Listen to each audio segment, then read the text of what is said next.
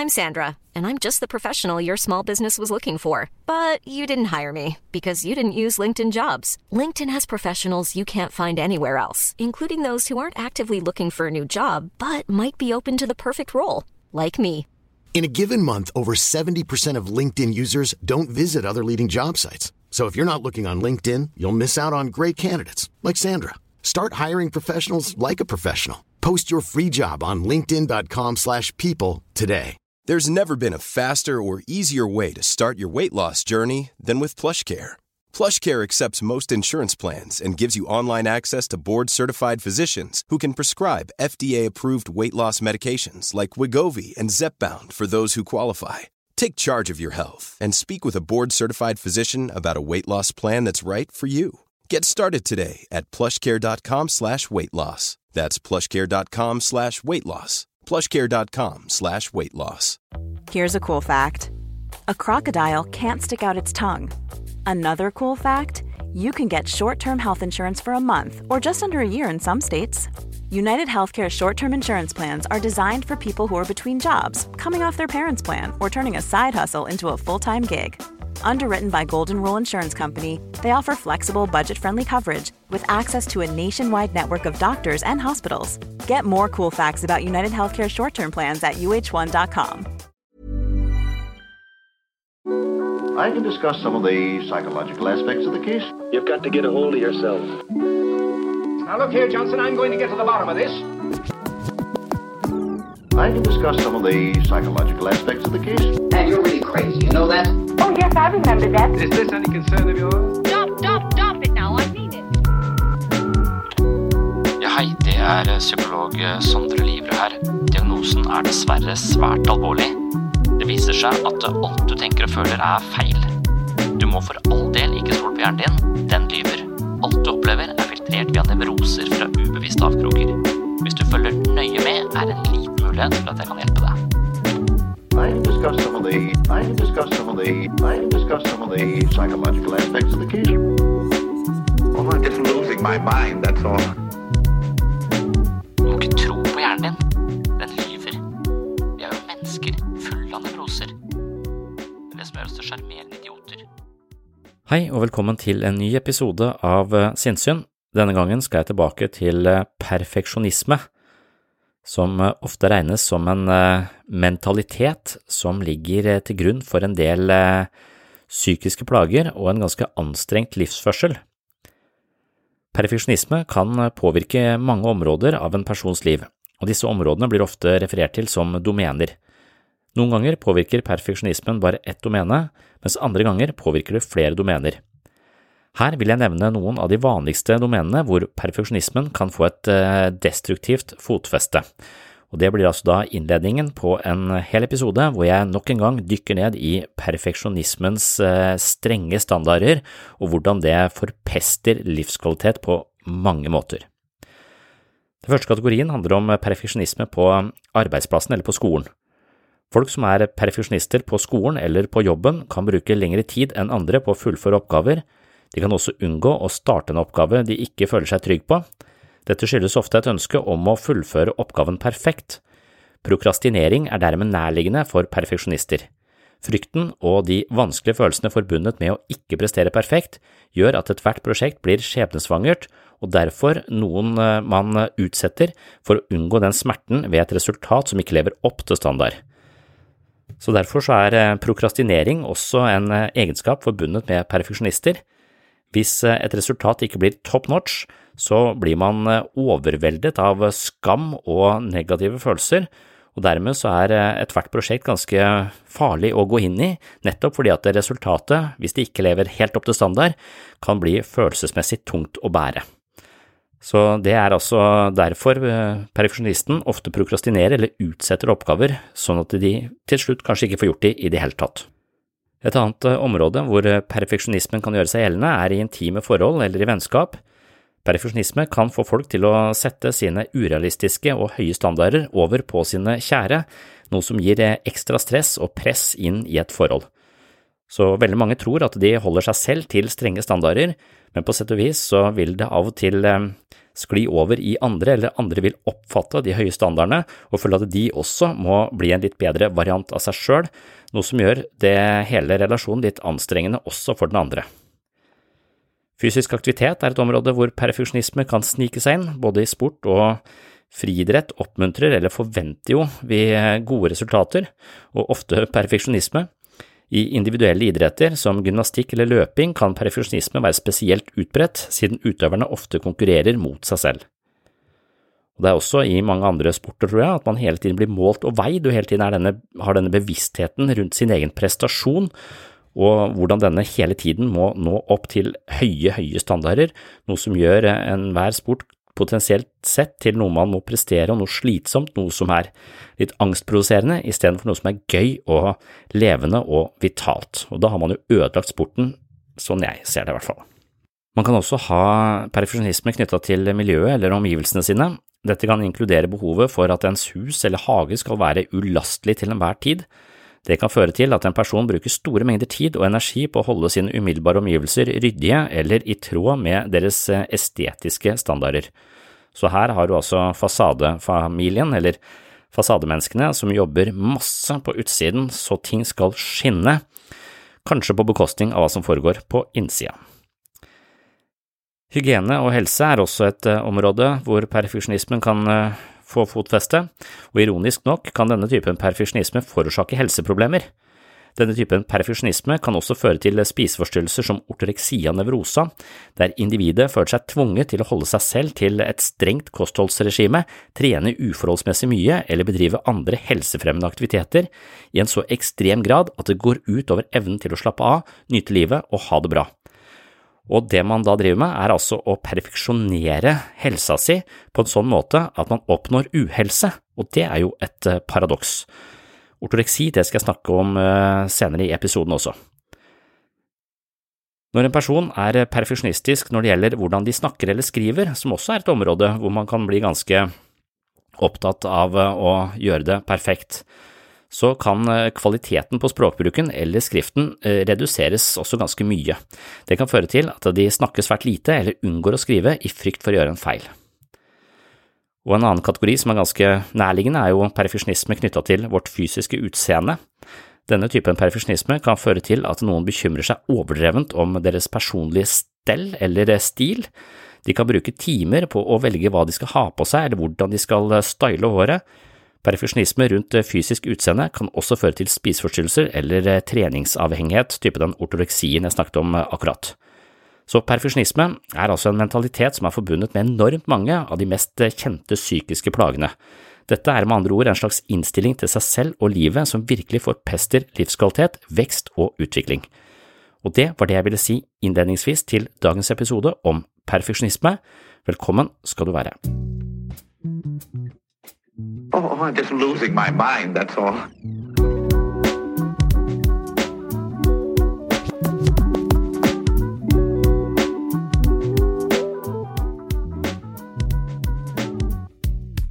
Ja.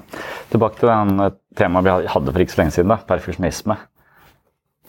Eh, tror det er eh, kanskje et karaktertrekk eller en slags mentalitet som den øker. Den har økt siden midten av 80-tallet frem til i dag, særlig hos barn og unge. Så det er noe vi får mer og mer av. Perfeksjonisme.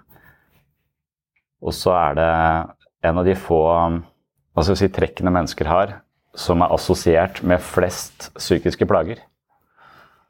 Sånn at det, er, eh, det virker som om det, det, opptrer på tvers av veldig, veldig mange ulike eh, psykiske utfordringer.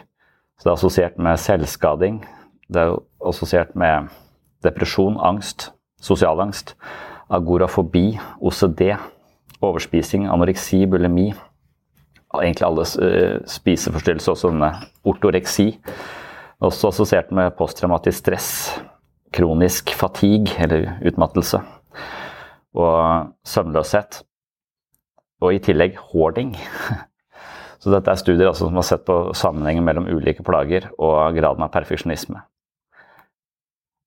Hoarding, det er vel de som samler på ting, er det ikke det? De som bare samler på alt, eller uh, ikke klarer å kaste noe, eller Så det er et eller annet med denne mentaliteten som uh, kan da generere ulike andre plager eller bivirkninger. Og det er ikke så rart, for det er jo en helt uh, hårreisende livsstrategi. Perfeksjonisme. Så det er nesten som, det er, som vi snakket om i podkasten, en slags fornektelse av menneskets natur. Da, for det, det som gjør oss eh, bedre i relasjoner, i jobben vår eller i livet for øvrig, det er jo å innrømme feil og lære av feil. Mens eh, perfeksjonisten vil jo eh, for enhver pris unngå feil. Og hvis det dukker opp en feil, og de ser at de gjør en feil og ikke klarer å leve opp til de skyhøye standardene sine, så vil de overvelde så mye skam og skyldfølelse at de klarer ikke å lære noe som helst av situasjonen. Så mens man kanskje på folkemunne tenker at det er perfeksjonister, det er jo liksom, de er de som virkelig får det til å sette lista høyt. Men veldig ofte så er det de som overhodet ikke uh, får det til. For mange av de tør ikke engang å prøve, for risikoen er så høy for å overveldes av skam. Så man sier jo det, altså man kan jo tenke Det er vel kanskje en sånn folkelig antakelse at perfeksjonisme er en god ting, for det er det folk sier på jobbintervju. Så har du noen negative sider? Ja, jeg er veldig perfeksjonistisk. Som om det sånn indirekte er en positiv ting. Det er En negativ ting som egentlig er positiv du kan si om deg selv. Men hvis man virkelig vet hva perfeksjonisme innebærer, så vil man eh, kanskje vegre seg for å putte det på lista over sine negative sider, for den er såpass gjennomgripende og assosiert med så mye sykdom. Men det vi kanskje blander, er at det finnes to typer perfeksjonisme. Eller det finnes altså Perfeksjonisme er i utgangspunktet da en ganske sånn malign eller skadelig livsstrategi. Men eh, på utsiden så kan de ligne folk som bare har høye ambisjoner, eller som er pliktoppfyllende, eh, eller som jobber hardt. Så, så de kan kanskje, Det fins folk som har veldig veldig høye mål og ambisjoner, som ikke nødvendigvis er perfeksjonistiske. Men de ligner perfeksjonistene fordi de også har høye mål og, og ambisjoner. Men de er drifta av to helt forskjellige ting, mens den som har høye ambisjoner på en sunn måte, er drifta av nysgjerrighet og interesse, så er den som er drifta av perfeksjonisme er, Eller under perfeksjonismen så ligger frykten for å feile. Og Den viktigste drivkraften de alltid foretar seg, er frykten for å feile. Og dermed så vil det prosjektet være ekstremt mye mer anstrengende. Jeg, jeg tror nesten det er eh, vanligere enn man, eh, enn man kan tenke seg. Og det viser jo at det, å være perfeksjonistisk, det, det, vil jo kunne føre deg til både til masse psykiske plager. Men det viser seg også motsatt vei. da, At du kan i utgangspunktet ikke være spesielt perfeksjonistisk. Og så er spørsmålet hvis du da pådrar deg noen psykiske plager av helt andre årsaker, vil det føre til en form for perfeksjonisme? Og det vet man kanskje ikke nok om, men det er studert i forhold til angst.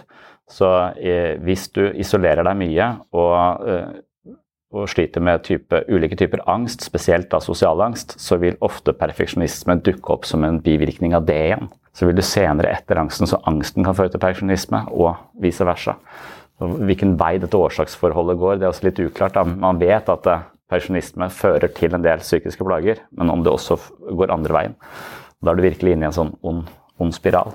Men løsningen på perfeksjonisme er jo ikke så Altså, vi, vi, kaller det perfeksjonisme, men jeg tror bare det er et, eh, vårt ord på alt det vi eh, Det er en variant av alt du tenker og føler er feil, da, hvis du innser det. Det er den østlige uh, ideen om at hvis du legger din verdi som menneske inn i prestasjonene dine, i kunnskapen din, i statusen din, i utseendet ditt Hver gang du legger verdien din i sånne type ting, så vil målet ditt være å optimalisere det. For det du tenker at du optimaliserer det, vil gi meg som menneske verdi. Og hvis ikke jeg eh, har Hvis jeg mister det utseendet, for jeg blir eldre f.eks., osv., så, videre, så mister jeg også verdi som menneske. Så den sammenblandinga av vår verdi som menneske og ytre faktorer, det er jo den som fører til ulike slitsomme livsprosjekter, som ofte kan innebære en form for perfeksjonisme.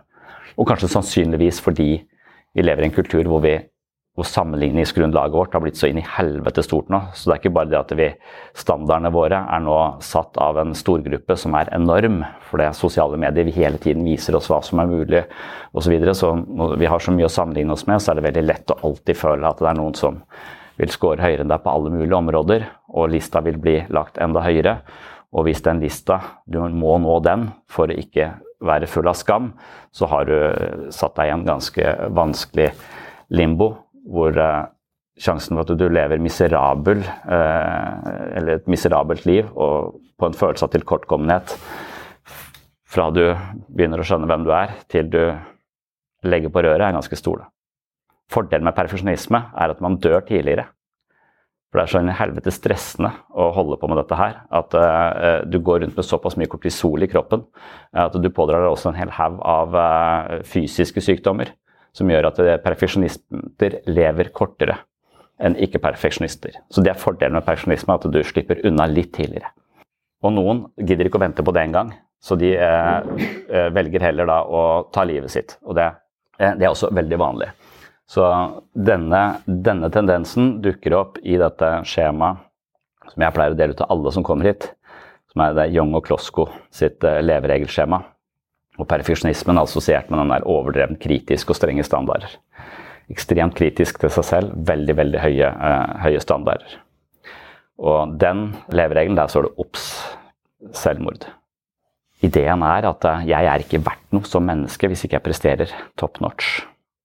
Og hver gang de begynner å nærme seg eh, en eller annen list, så vil de ofte bare legge lista høyere. Så det, vil hele, det er som de løper på denne livets tredemølle uten å komme fram noe som helst sted. En sånn marsvinhjul, da.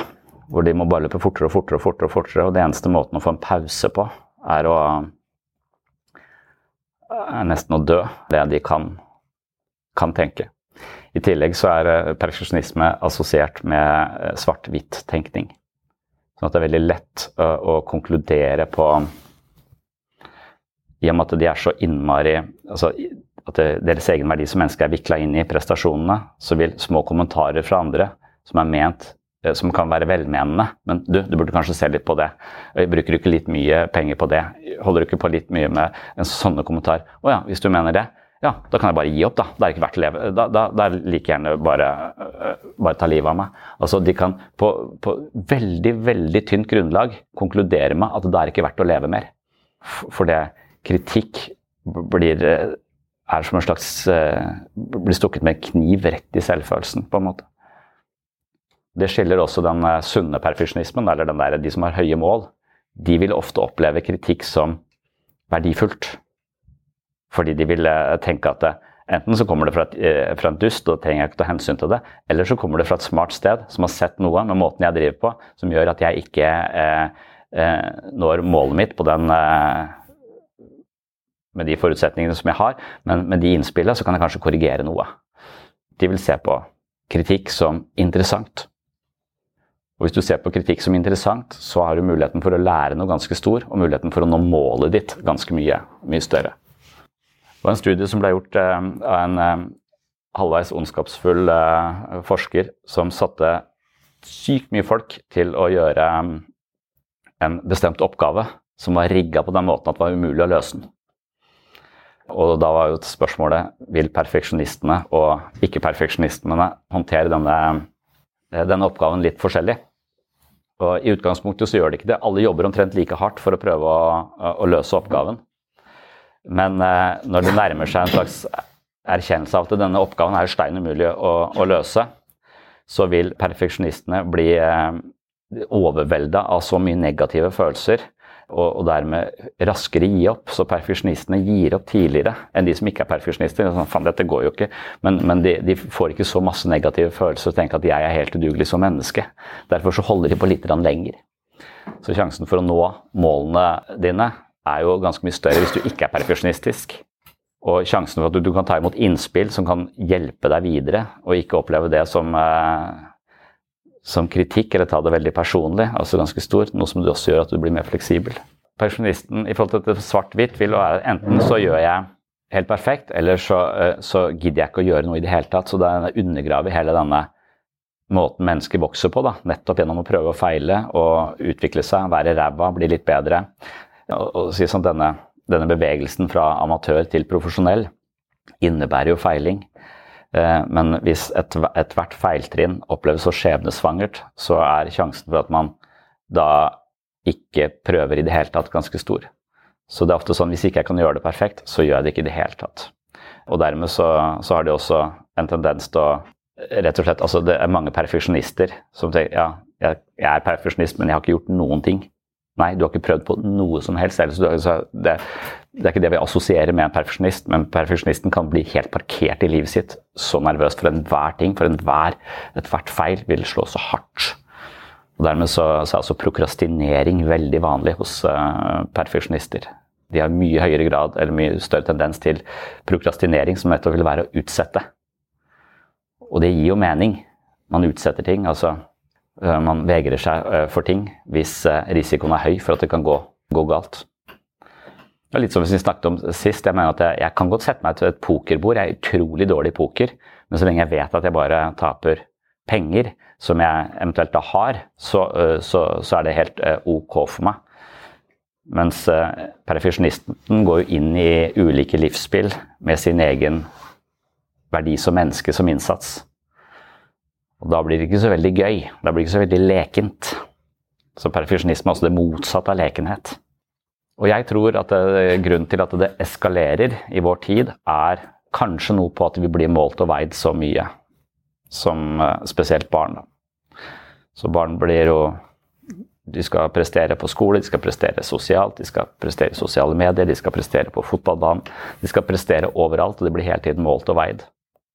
Og når du blir målt og veid, så vil de som er rundt deg si at det er, dette er verdifullt, derfor så måler vi dette, og du gjør det bedre enn en du, derfor så kan du komme inn på dette laget, og du kommer ikke inn på dette laget. Så sjansen for at vi vikler vår egen verdi som menneske inn i prestasjonene våre, den fella er ganske lett å gå i når du blir målt og veid hele forbanna tida. Jeg lurer på om det Steinerskolen har skjønt, så vi skal prøve å måle og veie de litt mindre, eller la de leke med kongler men det er et eller annet med, med hele den kulturen eh, hvor vi hele tiden skal eh, optimaliseres eh, osv. At det fører til en sånn både ganske overfladiske verdier, men også en tendens til å assosiere oss selv, vikle oss inn i prestasjonene våre på en sånn veldig uheldig måte.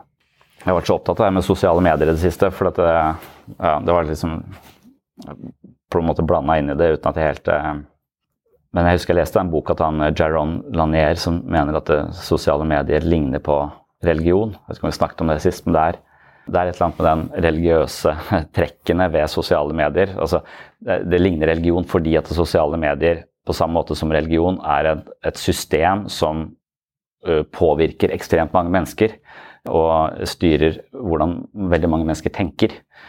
Så, så dermed så, så, kan det ligne på den måten. Men religioner tradisjonelt sett har vært opptatt av uh, hva er meningen med livet, hva det sier å være et menneske, hvordan skal vi eh, behandle hverandre. De de, og, og, sånne mystiske ting. Altså, de, de, har prøvd å lodde dybden i det eksistensielle hos mennesket, tradisjonelt sett. Mens uh, den nye religionen, den digitale religionen, etoset der er optimalisering. Så da er det kun altså, det går på likes, det går på å bli sett, og, og hele poenget er å optimalisere seg selv uh, for idet du får mange gode tilbakemeldinger fordi du har justert bildet ditt akkurat riktig, eller du har justert videoen din akkurat så lang at den blir sett uh, flere ganger og plukket opp av algoritmene, eller du har vært såpass frekk at du får flere likes, sånn at du har justert deg selv til algoritmene, så vil de gi deg mer oppmerksomhet. Og det er da hele poenget i den religionen, er å optimalisere eh, alt mulig. Og til slutt så blir vi da en ting som kan optimaliseres og hackes på lik lignende med andre duppedingser. Og vi har mista sjelen vår. Det var det jeg snakket om en gang. Du, du, mister sjelen i et sånt eh, materielt eh, eh, spill eh, som det der. Og perfeksjonisme er liksom også en del av hele greia der. Det handler jo om er, jeg, er bildet bra nok, er det fint nok, jeg, ser jeg bra nok ut? Altså, mange av de, de, spillene vil også bygge opp under denne perfeksjonistiske mentaliteten, som da i neste omgang er assosiert med alle de psykiske lidelsene vi klarer å liste opp i diagnosemanualen. Jeg tror Hvis vi hadde klart å virkelig forstå det destruktive og den ironien i dette perfeksjonistiske mentaliteten. Og hvor uh, selvfornektende og, og, idiotisk det egentlig er. Og hvis vi hadde klart å legge det litt til side, så tror jeg vi hadde klart å gi rom for en annen grad av lekenhet og uh, bevegelse som, uh, og frihet, som hadde vært helt annerledes. Og veldig anti-angst, antidepressivt.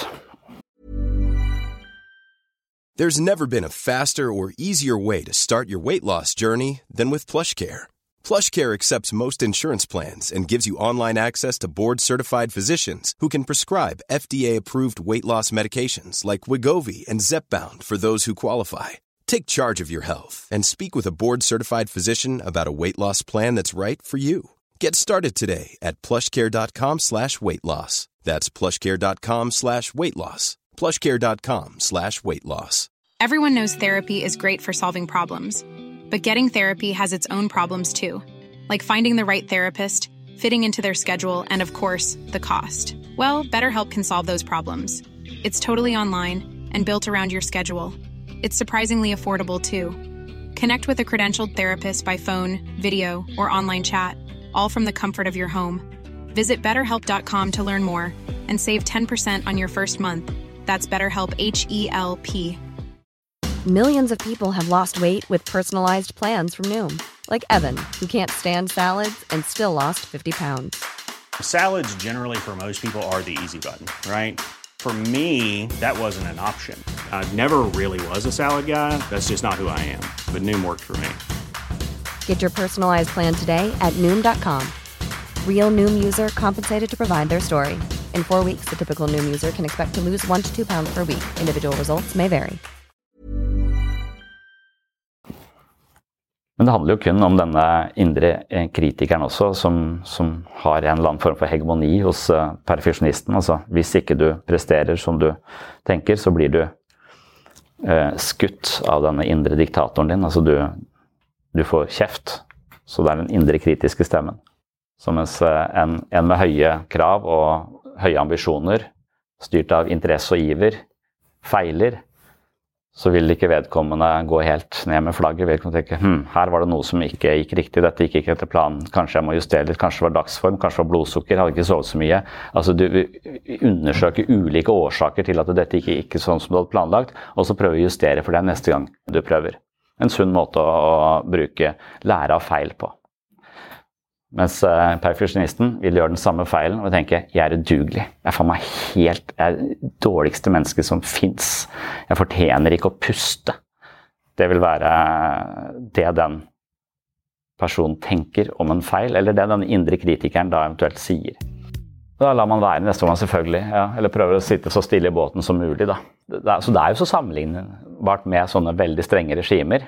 Altså hvis du Taliban har andre regler. Eh, smiler du, så skyter vi deg. Leser du en bok, hører på musikk, danser du. Hvis du gjør noe som er fritt eller morsomt, så skyter vi deg. Og det er omtrent den samme eh, ideen som ligger, eller den samme, samme, stemmen som ligger bak og drifter perfeksjonisten. Det er det som er så rart med en del sånne psykiske eh, utfordringer også, er jo at vi Det er nesten som Sånn som perfeksjonisme, da hele logikken der er at jeg vil ikke skamme meg, for skam er den jævligste. Skam er det ikke noe bra, med. det er ikke noe bra å skamme seg på noen som helst måte. Det er den eneste følelsen man ikke veit hvorfor, hvorfor, man har, liksom, for den er bare destruktiv. Har sikkert en eller annen sånn sosial funksjon som skal passe på at du jekker deg litt ned, bla, bla, bla. Men likevel, den er som regel jævlig eh, destruktiv. Så perfusjonisten tenker sånn at jeg vil unngå skam, og for å unngå skam så må jeg bare prestere bra nok. Hvis jeg unngår feil, så slipper jeg å skamme meg. Og hvis man da ikke klarer det og feiler, så er strategien ja, da må jeg bare prøve å prestere enda bedre. Så, hele, så, så problemet blir strategien. Altså du prøver å løse eh, et problem hvor selve strategien din er problemet i seg selv, eller fører til Men du bare gjør mer av det. Det er, som, det er akkurat som å drikke når du har, eh, er fyllesyk. Altså, hvordan, jeg, ble, jeg er fyllesyk, jeg kan ikke bli kvitt det. Hørte akkurat på han eh, Kave eller hva han heter, han legen, er det en måte å unngå å bli fyllesyk på?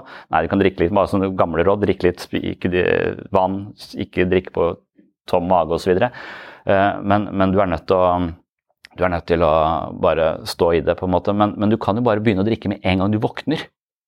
For da, da, blir du ikke fyllesyk. Det er i hvert fall min erfaring fra guttetur. Jeg må begynne jævla tidlig. Og det, og det er liksom sånn, jeg, så for å unngå den smerten, så gjør jeg bare mer av det som er skadelig.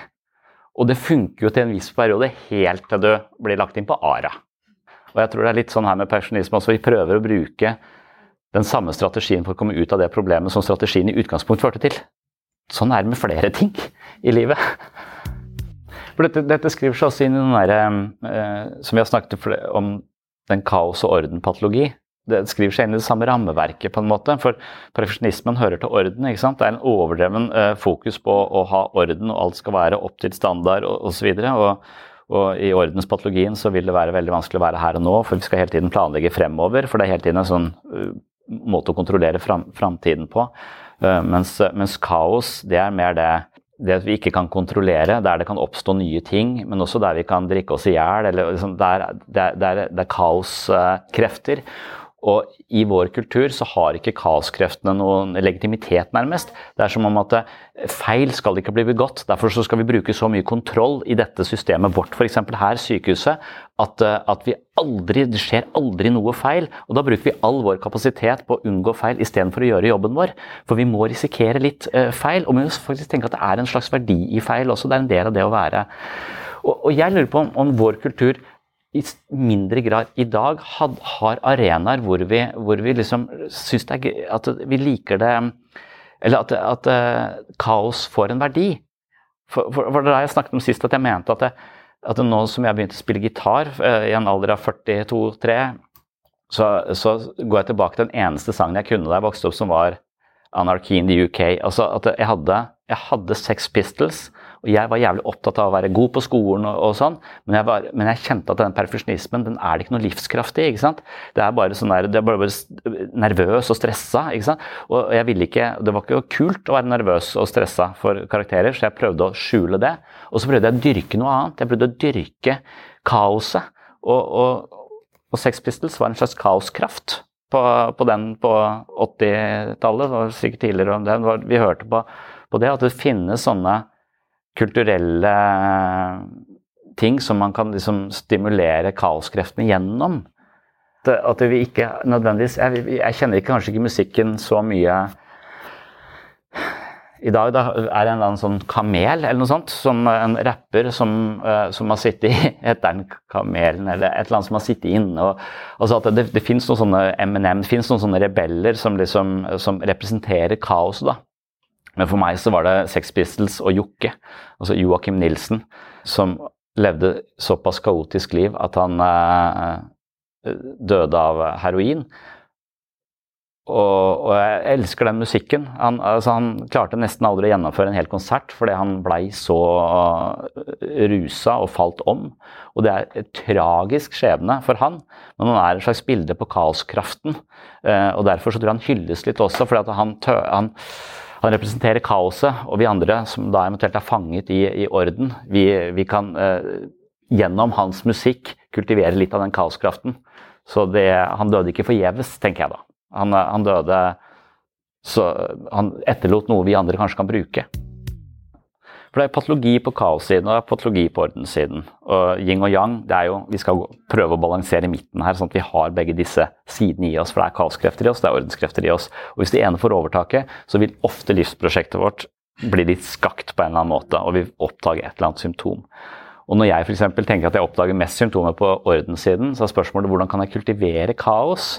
Og jeg tror ikke at det jeg mistenker at det innebærer en viss grad av mot fra min side. For jeg tror det å for meg å møte kaoset krever mot. Så hver gang jeg gjør en eller annen praksis som jeg tror har med kaos å gjøre, så vil jeg ha en grad av angst og nervøsitet i meg.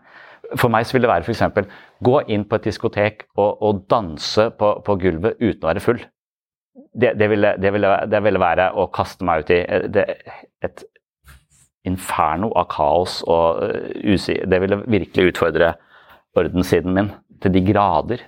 Eller selvbevisstheten min. Og, ja, det frykter at det hadde vært så angstproduserende at jeg måtte dissosiert. Men så, så hvis, vi, hvis, vi, skjønner at vi faller over på én side, hva gjør vi for å komme over uh, på den andre siden? Og For meg så er det litt lett å se kaosfolk som uh, sier ting de ikke mener, går inn i relasjoner, pga. et møte på en kveld, altså skifter partnere, bare lever uh, ubetenksomt og impulsivt, da, som er kaossiden. Det oppstår masse nytt, det er veldig spennende liv. det er så Du kan liksom filme de, og TV Norge hadde kjøpt deg eh, serien om ditt liv hvis du er fullstendig kaosaktig. Så de vil ofte ha kaosmennesker å følge på, på charterfeber, liksom. Hvis du har sånne veldig ordentlige folk der, så er det ikke noe gøy. Men, men for de er det lett sånn Ja, Svein, du kan bare stå opp til fast tid hver dag, du kan drikke litt mindre, du kan få deg en fast jobb. du kan, altså, Nå vet ikke jeg om Svein han virker som et kaosmenneske, det var det jeg kom på nå, men, men, men, hvis du skal gå fra kaos til orden, så er det liksom Orden har jo orden på hva du skal gjøre. Men hvis du skal gå fra orden til kaos, så er det veldig sånn Ja, du skal ikke gå først hjem fra, fra fest. Ja, men det er ikke noe lurt. Da får, jeg, da får jeg ikke gjort det jeg skal dagen etter. Det, er, det er veldig lett å argumentere fra ordenssida om at alt kaos er uhensiktsmessig. Så det å se verdien i kaos Ja, man kan si kanskje det er fordi man ikke er så gal som de på charterfeber eller på denne campingplassen eller uh, hvor folk er hen. Men, men jeg, jeg, elsker den serien som heter Bondeland, uh, og det er disse rånerne. Jeg, vet, jeg, jeg tror ikke jeg ser på det for å føle meg bedre. Jeg tror jeg ser på det fordi de representerer kaoskreftene, og jeg ser at de går til grunne på det. Men, men det er også det er som om det, det er kanskje sublimering. Det, så via noe annet så kan jeg stimulere en eller annen form for kaoskraft. Og jeg tror også musikksmaken min representerer dette at jeg overprodusert musikk for helt sånn, det virker perfekt for meg. Så, så, jeg har liksom hatt en sånn henger på Kaiser Orkestra f.eks. For, eksempel, for det, trommene det, det blir skakt. Det blir, er, de tar på første take, og så lar de det gå, liksom. Og det skrangler. Så, som om jeg liksom øh, går mot det, det skakke fordi jeg innser at det har en verdi og øh, kan være en mangel hos meg. Så jeg ser da på charterfeber ikke nødvendigvis for å tenke at jeg, ja, jeg er bedre enn de, for jeg har mer orden enn de. Men snarere at de, de har det gøy på en måte jeg ikke klarer. Så snarere med en slags misunnelse for at det er mulig å havne så utpå på Gran Canaria. ja, det var det da jeg var 18, men jeg klarer det ikke nå. så, så, at jeg egentlig ser på det med en grad av um, ja, Mer sånn som jeg kanskje sitter i gruppeterapi og tenker at å, du er helt annerledes enn meg. Noe av det trenger jeg. Og så jeg prøver, prøver å ta litt av den andre. Uh, og prøver også å nærme meg den andre ved å kjenne etter hvordan er den andre, og så se om jeg kan gå litt i den retningen. liksom. Og at det er det samme jeg gjør når jeg ser på, velger sånne typer programmer på TV. Men det kan jo være sånne andre motiver også, at ja, de er jo helt udugelige. Mange av de har klart seg, da, men mange av de går rett i dass. Han ene som heter Bakken, f.eks., han er jeg bekymra for. Han tror jeg har et uh, alvorlig alkoholproblem. Og, der, og, da er vi sånn vitne til en slags undergang. Da. Og det, det syns jeg er litt kjipt. Så hvis man ser på det og sånn godter seg at ja, så ille er det i hvert fall ikke med mitt alkoholkonsum. Jeg drikker tross alt bare mye mindre hver dag. så, så, jeg føler, føler Det kan være denne Men jeg håper og tror at det er noe med, med den verdien i det de impulsive og det som, som, ordensfolk virkelig trenger. Og Jeg tror ikke det hjelper bare å se på det. Jeg tror en av man må finne en praksis for det i sitt eget liv også, hvis man er på perfeksjonistsiden. For det står jo i alle selvhjelpsbøker da. Hva skal du gjøre hvis du er perfeksjonist? Senk standarden med 30 Skru av tankene dine. Altså, altså er det, Hvordan gjør du det? Hvordan senker du standarden din med 30% Hvordan setter du opp dette eksistensielle regnestykket i møte med små og store utfordringer i livet? Jeg, jeg, vet ikke. Jeg får til det for at jeg tenker annerledes om det, for jeg er ikke, no, jeg er ikke perfeksjonist. Sånn at, eh, så jeg kjenner meg igjen i ordenspatologi, men jeg er ikke perfeksjonistisk. Så det, det kan man jo bare, bare høre podkasten liksom, eller lese det jeg skriver. Jeg skriver feil hele tiden. Jeg gir faen. Jeg orker ikke å prøve å, å, å rette det. Mens jeg tenker ikke som uh, Altså, jeg, jeg kan rangere uh, ting og se nyansen i hva som er bra og dårlig, men jeg tenker ofte at det, når jeg har gjort noe som ikke er uh, optimalt, så tenker jeg bare at det er, det er, noe jeg har gjort i den retningen jeg skal. Jeg skal i den retningen. Så det var ikke så bra, men det er likevel noe i den retningen. At det er sånn jeg tenker at det, Hvis jeg lager noe som ikke er så spesielt bra, ja, men det er i den retningen. Jeg skal jo prøve å lage det som er liksom der som det ikke blir helt optimalt nå, så er det liksom eh, bare en slags pinne på bålet. Det vil ikke gjelde på et sånt enkeltstående prosjekt, liksom. men jeg syns ofte de prosjektene jeg har, er sånn langvarige, evige. Bli et, eh, bli et bedre menneske, bli et, mer, bli et, varmere menneske. Altså, Jeg var ikke veldig varm der, men det var litt varmere enn jeg pleide å være. Så det var liksom en, en, en, en skritt i riktig retning. Istedenfor å tenke at ja, det, du, du, var ikke varm nok. Nei, jeg var ikke det, men jeg, jeg skal jo den veien. Altså, det er mulig å tenke sånn om det. Eller hvis du er tatovør. Så Ja, ja. Blei så der. På rumpa di. Da er jo, da er jo litt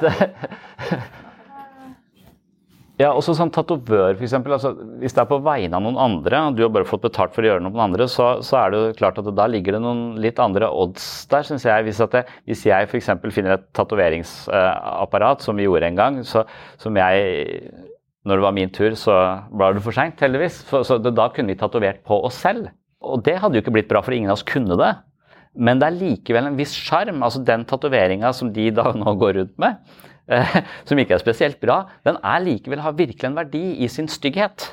Fordi den representerte en del av eh, kaoskreftene som vi eh, levde ut på den tida. Så, det stygge kan jo også da ha en, eh, ha en, verdi, men med en gang du har det på noen andre og Det er også en skille mellom perfeksjonister. altså noen er, Det som øker mest, er den typen perfeksjonisme som handler om at det, du outsourcer kritikken til andre. Så en ting er at Hvis jeg tenker åh, jeg skammer meg, jeg var ikke bra nok, altså det, det, bor i meg. Men for noen så bor det ikke nødvendigvis i dem selv, men det bor i fantasier om hva de tror andre mener at de burde levd opp til. Så de outsourca den kritiske stemmen til alle mulige andre blikk rundt seg. Og det er den som, perfeksjonismen som har økt med 32 uh, ifølge disse studiene de siste 10-20 åra. Mens eh, den indre kritikeren er også økt, men ikke i like stor grad. Da, for de skiller mellom uh, ulike former for perfeksjonisme, som er også litt interessant. Og det, det, kan jeg også tenke litt om. Hvor er veldig perfeksjonistisk overfor meg selv? Nei, men kanskje litt mer via den andres blikk. At jeg, at jeg er mer opptatt av om det er Nei, jeg er egentlig faen i det òg. Ja, for det må vel i utgangspunktet være et ut utslag av denne manglende tilstedeværelsen av aksept for at jeg er verdifull for den jeg er. Og det er der vi hele tiden driver og applauderer barna våre for prestasjoner. Det er vel vanskelig å så, så ha en slags bevissthet om at uh, du kan vise folk at jeg er glad i deg for den du er. Og jeg tror kanskje det er det som av og til oppstår i gruppeterapi også, at vi ser at det, det er når du ikke prøver å være så flink, når du ikke prøver å være sånn eller sånn, eller sånn men er så oppriktig som du kan, at det er da folk virkelig blir glad i deg som menneske. For det er ikke prestasjonene til folk, andre mennesker vi er glad i. Så man oppdager at hele dette prosjektet med å høste egenverdi via idrett, via sortering, prestasjoner, at det, det, er en slags sånn veldig overfladisk prosjekt for å prøve å stagge en sånn underliggende følelse at jeg er ikke verdt å elske hvis ikke. Altså den, den betinga kontra den ubetinga kjærligheten.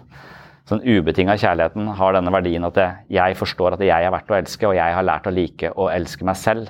Dermed så trenger ikke jeg å kompensere ved å være best i idrett. Hvis jeg ikke er best i idrett, så, så synker jeg ikke Jeg går ikke konkurs som menneske. Men hvis man har egenverdien sin kobla opp til disse ytre faktorene, så, så, er risikoen så høy. Du lever så farlig. For enhvert feiltrinn på det området du har valgt som din nisje, og din, der din identitet er forankra, hvis du mister noe der, enten du mister en eller annen arbeidsevne eller eh, et eller annet, så, så, er du så sårbar. For da mister du ikke bare Du kan ikke bare begynne med noe annet, for det, da mister du liksom deg selv. Så et livsfarlig prosjekt, altså. Jeg vet hva det vil si å senke standarden med 30% når det gjelder eh, veldig konkrete ting, som f.eks. hadde rydde hjemme.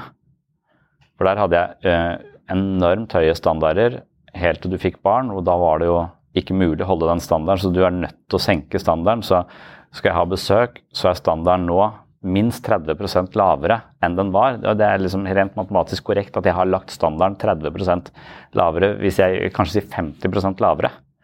Fra hvordan jeg forventet at skulle være hjemme og ting skulle være på stell før noen kom på besøk, kontra tre barn hvor uh, hvis de klarer å komme gjennom gangen uten å snuble i fem sekker, så, så, liksom, så føler jeg vi har lykkes, nærmest. Så det, det, ligger på et helt annet nivå. Og, og det å lære å leve med det og trives i det, det er utfordringen. For det var vondt og smertefullt veldig lenge. Men nå gir jeg faen. Og den deilige følelsen av å gi faen og heller bare være og snakke med de som er der, istedenfor å være så sliten når de kommer at jeg er helt utmatta av all vaskingen eller ryddingen, liksom.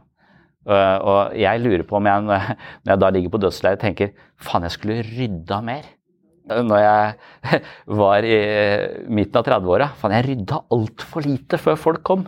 Det angrer jeg på. Hvis jeg skulle få lov til å leve en til, skal jeg rydde mer. Det, det, ja, så det hjelper kanskje å sette i et sånt perspektiv, da. Det vil vel også være over i uh, over i Altså, det emosjonelle også hører til i uh,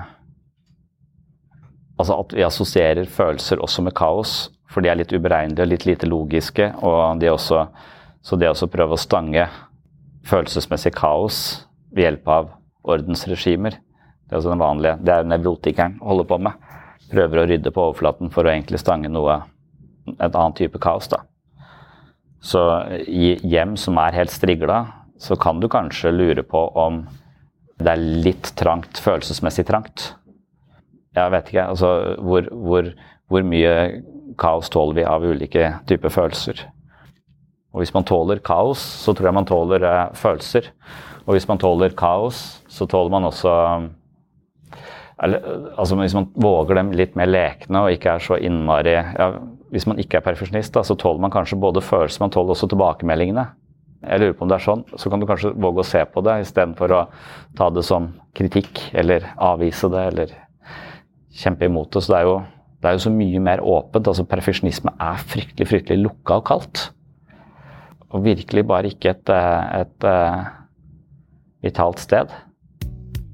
Og ortoreksi er liksom den tredje eller fjerde eller hva det skal si, spiseforstyrrelsen som er liksom også en av de diagnosene som virkelig har økt. Altså, som, hvor anoreksi er dette med ikke-vekst. Prøve å kontrollere ting og ikke spise. Mens ortoreksi handler bare om å Det betyr riktig vekst. Så du skal spise det riktige, du skal gjøre det riktige. Du skal du, ofte på dietter osv. Ofte på søvn, ofte på på hvordan du skal oppdra barn. Altså du, får, du, får, du, skal gjøre alt sammen helt perfekt. så Du blir så opptatt av å gjøre ting eh, optimalt at du eh, ikke har noen glede ved livet i det hele tatt. Så den ortoreksien er liksom den, den tredje spiseforstyrrelsen. De, de, spiser det faste, spiser måler og veier maten osv. Spiser ingenting utenom. Og til sånne folk så er jo det, mener jeg at det, hvordan, skal jeg, hvordan skal jeg komme meg ut av dette? begynne å røyke. Altså, da er, mener jeg at det er et godt råd til noen. Det er ikke, det er ikke sant at det, Noen ganger så er det å begynne å røyke et godt råd. Begynn å røyke Petterøes tre rullings. Det vil være en total krasj med dette regimet. Men det kan være en andre kaosprosjekter som ikke gir deg lungekreft, som kunne vært eh, vel, så, vel, så, bra. Men da, da må man jo krasje denne perfeksjonismen som ligger i selve den og, og, jeg tror etter hvert så blir du, du blir så fanga i denne ordensgreia, og så tror jeg at det, der, du, der, du, virkelig blir eh, fucka opp, er når du kommer til søvn. Når du begynner å måle din egen søvn, som jeg driver med. Eh, fordi, at, eh, jeg, fordi at jeg har lest den boka 'Why We Sleep' og skjønner hvor sinnssykt hvis, hvis jeg ikke får nok timer søvn i løpet av en uke, så blir jeg jo dement i neste uke. Det er sånn jeg tror om det, nesten.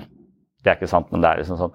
Så, og du, når du da begynner å hele tiden drive og prøve å logge og kontrollere din egen søvn, så får du plutselig et problem. For søvn, du, det å sovne er ikke noe du kan kontrollere. Det er det motsatte av det er å gi slipp. Det er ikke kontroll. Og når du da begynner, når, når kontrollregimene dine begynner å, begynner å angripe søvnen, så får du en på trynet. For da vil du ikke få sove. Og da vil du fucke opp hele kontrollen din, og så vil de kaste deg over i det dypeste kaos, som er psykosen. Psykosen er det ultimate kaoset. Så sover du ikke på så så lang tid, så blir du psykotisk. Og da har du virkelig bare sagt at nå er det nok. Nå pælmer jeg deg over i, uh, i, kaoset. Og det er en kjip måte å havne i kaos på. Da er det bedre å gå litt ut i kaos på egen hånd, sånn at du har kontroll og kan gå tilbake igjen til balansen. For hvis du aldri våger deg mot kaoset, så vil søvnen til slutt pælme deg over der. I det totale anarki og kaos som er psykosen. Ingen Så, så der, der, tror jeg systemet på en måte psykologisk sett justerer seg selv, nesten. Jeg hadde på et utdrikningslag sånn, strøm, sånn elektrosjokkfotball. Hvor eh, innbytterbenken til motstanderlaget styrte min sånn strømførende dings som jeg hadde på halsen, som de egentlig brukte på bikkjer. Og de fikk bare lov til å strømme hvis jeg holdt på å score, eller hvis de syntes jeg spilte dårlig.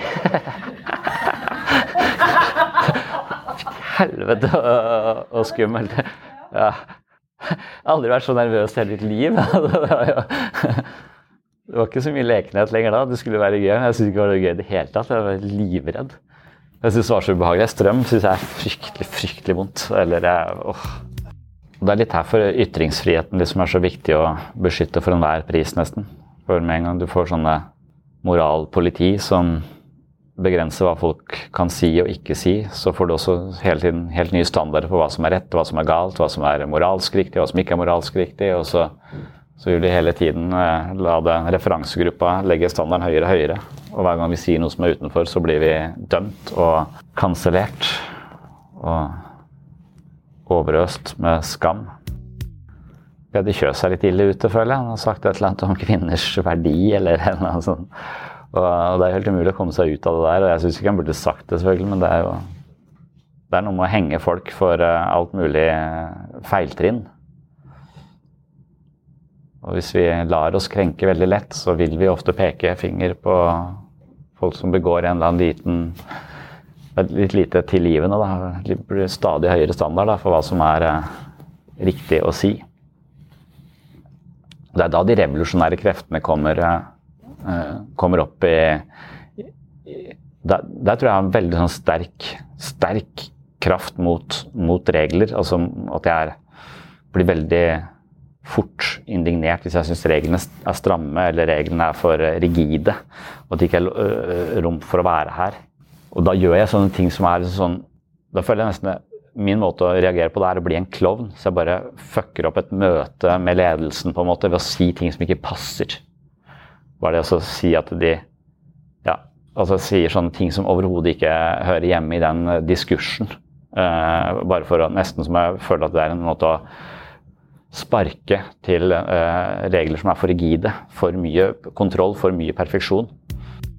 Jeg skulle likt å vite flere sånne strategier for å, for å skape balanse mellom orden og kaos i sånne situasjoner. For jeg opplever også at veldig mange er veldig sånn mange settinger blir veldig trange og blir veldig sånn moralsk prektige også. Og det moralsk prektige er liksom så For det første så er det kjedelig. For jeg tror ikke det går an å ha høy moral og være morsom. Jeg tror uh, det, God humor handler om lav moral. Så, så, dermed så føler jeg ofte at humoren har en veldig viktig funksjon i den typen settinger. Fordi den representerer uh, det litt umoralske. Og den gir litt større rom for å være litt mer ja, ikke så perfekt. Så, så humor syns jeg er Det er den eneste praksisen jeg liksom vet om som jeg tenker har en slags konstruktiv, kan ha en konstruktiv verdi. Den kan være giftig og sånn, den også. Men bare det å se på disse øh, fotballspillerne øh, som jeg ser på hver eneste dag altså at det, det er så forskjell på, øh, på, på enkelte spillerne også, hvem som er lekne og hvem som er tatt av stundens alvor, særlig før kamp. Noen er tatt av stundens alvor, og de er helt sånn stive nesten. Mens noen Vi har to sånne veldig cocky forsvarsspillere som bare gir faen. Eh, og de er dritgode. og så Istedenfor å liksom, noen bare spille ballen vekk, det må ikke bli mål, for Arpis, begynner de å drible rett foran vårt eget mål. Jeg får helt sånn hjerte sånn Nei! Men de bare gir faen, og så, og så gjør de det. Og det er, så, det er så cocky, men det er så trygt.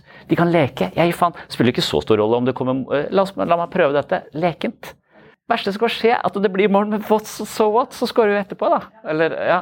så, det, så, hver gang jeg ser sånne spillere som bare leker sånn og gjør sånne hårreisende ting på, på, banen, så blir jeg så glad. Nå er det trygt nok til å, til å feile her, for det der er jævlig risikabelt. Det blir ikke plass til raushet, bare sånn som Peder Kjøs og han er Frode Tuna, som har sagt at kvinners uh, må kjenne sin verdi, eller markedsverdi, sånn kjøttmarkedaktig uh, greie jævlig teit å si, men, men, jeg har ikke lest hva de har sagt øh, osv. Men så lenge dette her utspiller seg i denne eh, kampen om likes og moralsk posering, så er de nå et veldig lett bytte for at andre kan skåre veldig billige poeng på hvor moralske de er. Sånn at Enhver en feiltrinn hos et annet gir alle andre muligheten til å, sole seg i en eller annen uh, istedenfor å tenke litt dumt sagt, uh, men jeg gir ikke å score poeng på deres uh, flause. Så kan de heller få lov til å unnskylde seg eller bare ta seg inn i det. Hvis de er to råtne mennesker som, uh, som, går rundt og skader folk i det, i det offentlige, så, så, kan man kanskje ta til motmæle. Men, men, det er ikke sånn jeg opplever de. Som regel så opplever jeg de som ganske ettertenksomme og kloke, og, og, og de kanskje har driti seg ut nå så er det veldig lite raushet å spore. Nettopp fordi jeg tror andre kan score selvfølelsepoeng på deres tragedie, liksom. Det, det, det, skjønner jeg at jeg skal aldri inn i en sånn uh, offentlig rolle. Altså, jeg solgte hjemmebrent på ungdomsskolen. Det var sånn jeg tjente penger. Altså, det, det, er jo stein umulig for meg å gjøre noe det, er ingen som klarer å kvalifisere Hvis, ikke du er verdens kjedeligste uh, menneske og, verdens, og en perfeksjonist Vi kan jo ikke ha mennesker i offentlig posisjon hvis ikke de har lov til å gjøre noe feil. Viktig signal til barna våre på at de må gjøre alt helt riktig hele tiden. Så hvis de forelsker seg feil, eller hvis de gjør noe feil, så det må de for all del ikke gjøre. For da kan de ikke bli stortingspresident. Og det bør de jo bli. Hvis det skal bli noe ordentlig. Men det, det, er noe bra med det. Det er, sånn, det er helt den balansegangen, tror jeg. For at det er sånn som Danmark har ikke hatt metoo før nå. Altså, øh, og, og, det er et eller annet med at øh, det der å si fra og påpeke øh, drittsekkoppførsel liksom også, altså den Ja, å, være litt krenkbar, da, eller liksom så ikke, ikke tillate alt heller. Så nå blir det kanskje litt trangt. Nå har vi ingen feiltrinn. Men det er noen feiltrinn som virkelig må må pekes på også. Så, så når de ruller opp dette metoo-greiene og ser hvor mange psyko-mennesker som driver og tråkker på andre på veldig ufordragelige måter, det kommer litt bak på meg, faktisk. eller sånn. Og da tenker jeg Det er jo en viktig del av det også. Men hvis det går for, for langt over, så tør vi ikke å nærme oss hverandre. ikke sant? Da er jo frykten for at dette er en eller annen eh, ja, Nå må man vel ha sånn skriftlig kontrakt hvis man er på byen. Så, så, eh, eller om det kan fungere på telefonen, du må skrive under på, på telefonen. Altså, jeg samtykker til at jeg ikke skal saksøke deg i morgen. Det var det jeg hadde om perfeksjonisme for eh, denne gang. Vil du ha mer om dette temaet, så er det flere episoder her inne på Sinnsyn om perfeksjonisme. Jeg har også laget en eh, episode som heter Perfeksjonisme, et virus på vårt mentale liv, og det er episode 67 på eh, Patron. Så inne på Patron, patron.com for seg sinnssyn, som jeg kaller mitt mentale helsestudio, der kan du også høre en hel time til om eh, perfeksjonismens eh, giftige påvirkning på livet vårt. Og perfeksjonisme blir ofte sett på som en positiv egenskap som øker sjansene dine for å lykkes, men det kan altså føre til ganske destruktive tanker eller atferd som gjør det vanskelig å nå målene sine. Det kan også forårsake både stress, angst, depresjon og en rekke andre psykiske plager som jeg også har vært inne på i denne episoden. Det var det jeg hadde for denne gang. Hvis du finner verdi her på sinnssyn og ønsker å støtte prosjektet, så er altså et abonnement på Patron av stor betydning. Der inne får du masse ekstra episoder. Jeg leser eh, bøkene mine, altså Selvfølelsens psykologi og Jeg, meg selv og selvbildet, og etter hvert Psykologens journal, sånn at de havner der inne som lydbøker. I tillegg lager jeg mentale øvelser mynta på å putte teorien ut i praksis. For min erfaring er jo at eh, veldig mange har både huet og ræva fullt av eh, selvinnsikt, men så lenge de ikke klarer å implementere det i livet, så har det kanskje ikke så veldig stor verdi. Men på patron.com for seg sinnssyn, der kan du få mentale øvelser. Det er masse videoforedrag der, altså videoepisoder av sinnssyn, vanlige episoder av sinnssyn, og som jeg nevnte, lydbøker, men du kan også meditere sammen med meg der inne på Patron. Så der er det mye å hente for de som eh, vil ha mer sinnssyn hver måned og ønsker å støtte dette prosjektet, sånn at jeg kan holde hjula i gang måned etter måned, år etter år her inne på Sinnsyn og prioritere dette prosjektet her hver eneste uke. For det kan jeg nå på grunn av mine Patron-supportere, så tusen hjertelig takk til dere. Det var det for denne gang. På gjenhør i neste episode. Oh, I'm just losing my mind, that's all.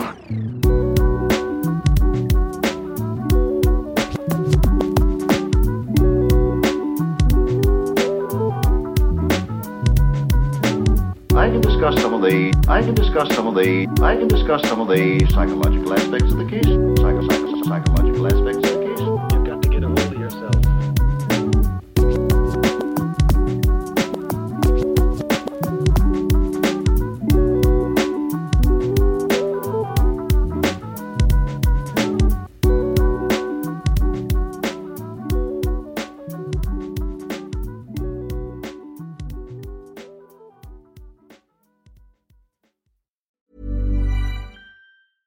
Hey, it's Paige DeSorbo from Giggly Squad. High quality fashion without the price tag. Say hello to Quince.